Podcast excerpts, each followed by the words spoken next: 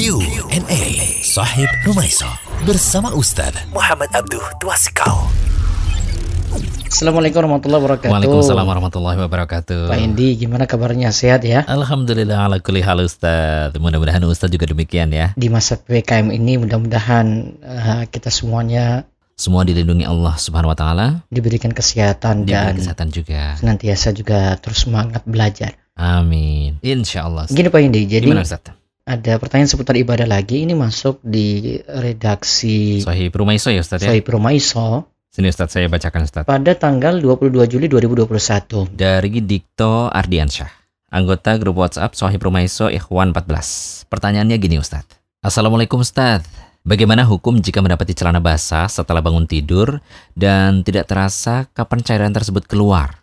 Apakah wajib mandi besar atau cukup dengan berwudu saja? Mohon penjelasannya Ustaz. Nah, gini Pak Hendi, berarti ini masalah ini bukan masalah si Dikto aja ya. Bukan masalah dia aja ya Ustaz ya, Tapi masalah kita semua ya kita, Ustaz. kita juga ini. Masalah para cowok soalnya. Kadang mendapati seperti itu ya. Iya. Jadi tadi pertanyaannya kan Jika mendapati celana basah setelah bangun tidur, keluarnya itu nggak terasa kapan gitu ya. Ya namanya saya tidur masa tahu-tahu basah aja ya Ustaz ya. mau rasakan juga ya. Kadang ngerasa kadang nggak. Jadi wajar kayak seperti itu ya. Nah sekarang pertanyaannya wajib mandi besar atau cukup berwudu saja? Yang jelas ada perintah untuk mandi besar atau mandi junub ketika keluar mani. Hmm. ya ketika keluar mani. Dari Aisyah radhiyallahu anha ia berkata, Rasulullah Shallallahu alaihi wasallam pernah ditanya tentang seorang laki-laki yang mendapatkan dirinya basah sementara dia tidak ingat telah mimpi. Hmm. Beliau menjawab ketika itu, yaktasil. Dia wajib mandi. Hmm, wajib mandi ya. Dan beliau juga ditanya tentang seorang yang bermimpi tapi tidak mendapatkan dirinya basah. Dia mimpi, mimpi enak ya. Waduh, gimana tuh Ustaz? Tahu kan Pak Hendy ya, mimpi enak ya. Berat nih. Beliau menjawab, la ghusla alaihi. Tidak wajib mandi. Hmm. Coba perhatikan di sini ya. Berarti patokannya keluar mani atau tidak gitu. Kalau keluar mani artinya ada basah di situ dan itu mani maka wajib mandi. Wajib Namun mandi. kalau tidak basah walaupun mimpi maka tidak wajib Hmm, mandi. Nah, di tidak sini jelas mandi ya. banget ya. Di sini riwayat Abu Daud, Tirmidzi, Ahmad dan Syalbani mengatakan hadis ini hasan. Juga ada riwayat dari Ummu Salamah radhiyallahu anha ia berkata, Ja'at Ummu Sulaim, yaitu Ummu Sulaim istri dari Abu Talha itu datang menemui Rasulullah Shallallahu alaihi wasallam dan berkata, "Eh, Wahai Rasulullah, sesungguhnya Allah tidak malu terhadap kebenaran. Apakah bagi wanita wajib mandi jika ia bermimpi?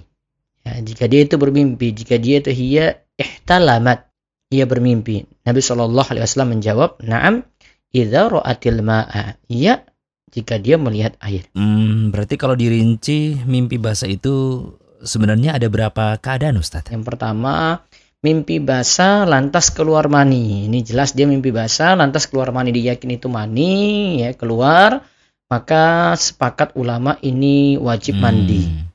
Yang kedua Ustaz, Yang kedua, mimpi namun tidak keluar mani mimpi tapi tidak sampai keluar. atau tidak melihat apa pun. Hmm, padahal mimpi enak ya Ustaz ya. Dia mimpi, mimpi enak ya.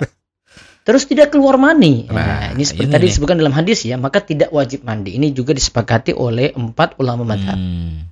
Keadaan yang ketiga, melihat mani namun tidak mengingat mimpi basah ataukah tidak. Ini juga tetap wajib mandi. Hal ini disepakati oleh empat Oh, ulama madhab. Tetap wajib mandi. Keadaan yang keempat, melihat ada sesuatu yang basah namun ragu apakah itu mani ataukah madhi. Ya, kalau mani itu kan kita mesti mandi, kalau madhi keluar kan cukup wudhu. Iya, iya. Maka sesuai dengan pertanyaan dari Dikto tadi ya, kalau mani keluar berarti mandi, kalau madhi keluar itu berarti wudhu. Namun dia bingung nih, ini mani atau madhi. Nah, loh. Dia melihat ada sesuatu yang basah, tapi tidak jelas ini. Dia ragu, ragu ya, ragu ini mani atau kamadi, maka tidak wajib mandi. Hmm. Ini pendapat dari yang masyhur dalam madhab syafi'i, pendapat dari Abu Yusuf, pendapat dari ulama Malikiyah, pendapat dari Hanabilah. Inilah pendapat eh, sekelompok ulama salaf. Dan ini jadi pendapat kebanyakan ulama. Kalau ternyata masih ragu-ragu juga Ustaz? Kalau dia masih ragu di situ ya, maka tidak wajib mandi. Namun kalau dia mau cari aman sih mau mandi juga sih tidak apa-apa. Namun di sini kami kasih catatan penting ya, di sini ikhwan yang bertanya ataupun yang lainnya ya. Kalau ada yang keluar mani dengan istimna, apa itu istimna Pak Hendi? Istimna itu senang-senang bukan Ustaz? Self service gitu ya? Pernah dengar? Pernah lah Ustaz. Tahu onani ya? Hmm, nah, Tahu ya? tahu lah Ustaz. Nah, itu onani itu. Nah itu. Ustaz. Mengeluarkan mani dengan tangan tuh, Pak Hendi. Nah, menurut ulama Syafi'iyah dan ulama Malikiyah hukum onani itu haram. Nah loh. Ya, dia hukumnya haram. Dan para ulama sepakat kalau mengeluarkan mani dengan tangan istri dibolehkan. Hmm. Tapi, nah ini ya, nah, ada catatannya kok kan. Tapi, Ya, jelas itu haram ya. Karena dia lakukan yang haram ini keluar mani dengan cara dipaksa. Selain tadi ya tangan istri ya. tangan istri. Wah, seru nih Ustadz nih. Maaf ini agak sedikit vulgar nih Pak Hendi ya. Nggak apa-apa Ustadz. Lanjutkan. Kalau itu dilakukan walaupun itu haram ya, dia lakukan onani tetap mandi wajib. Ingat tetap Hmm, mandi Tetap mandi wajib. wajib. Oke. Wallahu alam. Ya, ini sebatas yang kami sampaikan. Mudah-mudahan jadi ilmu yang manfaat dan terjawab tadi ya berarti ya. Berarti kalau mau disimpulkan yang jelas kalau keluar mani saja baru dia itu mandi. Namun kalau yakin itu bukan mani maka tidak wajib mandi. Kalau itu keluar mani walaupun tidak dia bisa ingat mimpinya itu mimpi apa tapi yakin itu keluar mani maka tetap mandi wajib sebagaimana rincian tadi yang sudah disebutkan. Gitu ya Pak Hendi ya. Baik, Semoga paham juga Insya Allah Ustadz. dan juga Mas Dikto yang bertanya. Semoga uh, juga memahami, begitu juga para pendengar setia yang terus menanti audio-audio dari Sohib Rumaiso. Semoga Allah beri taufik dan hidayah. Allah ibarik. Amin.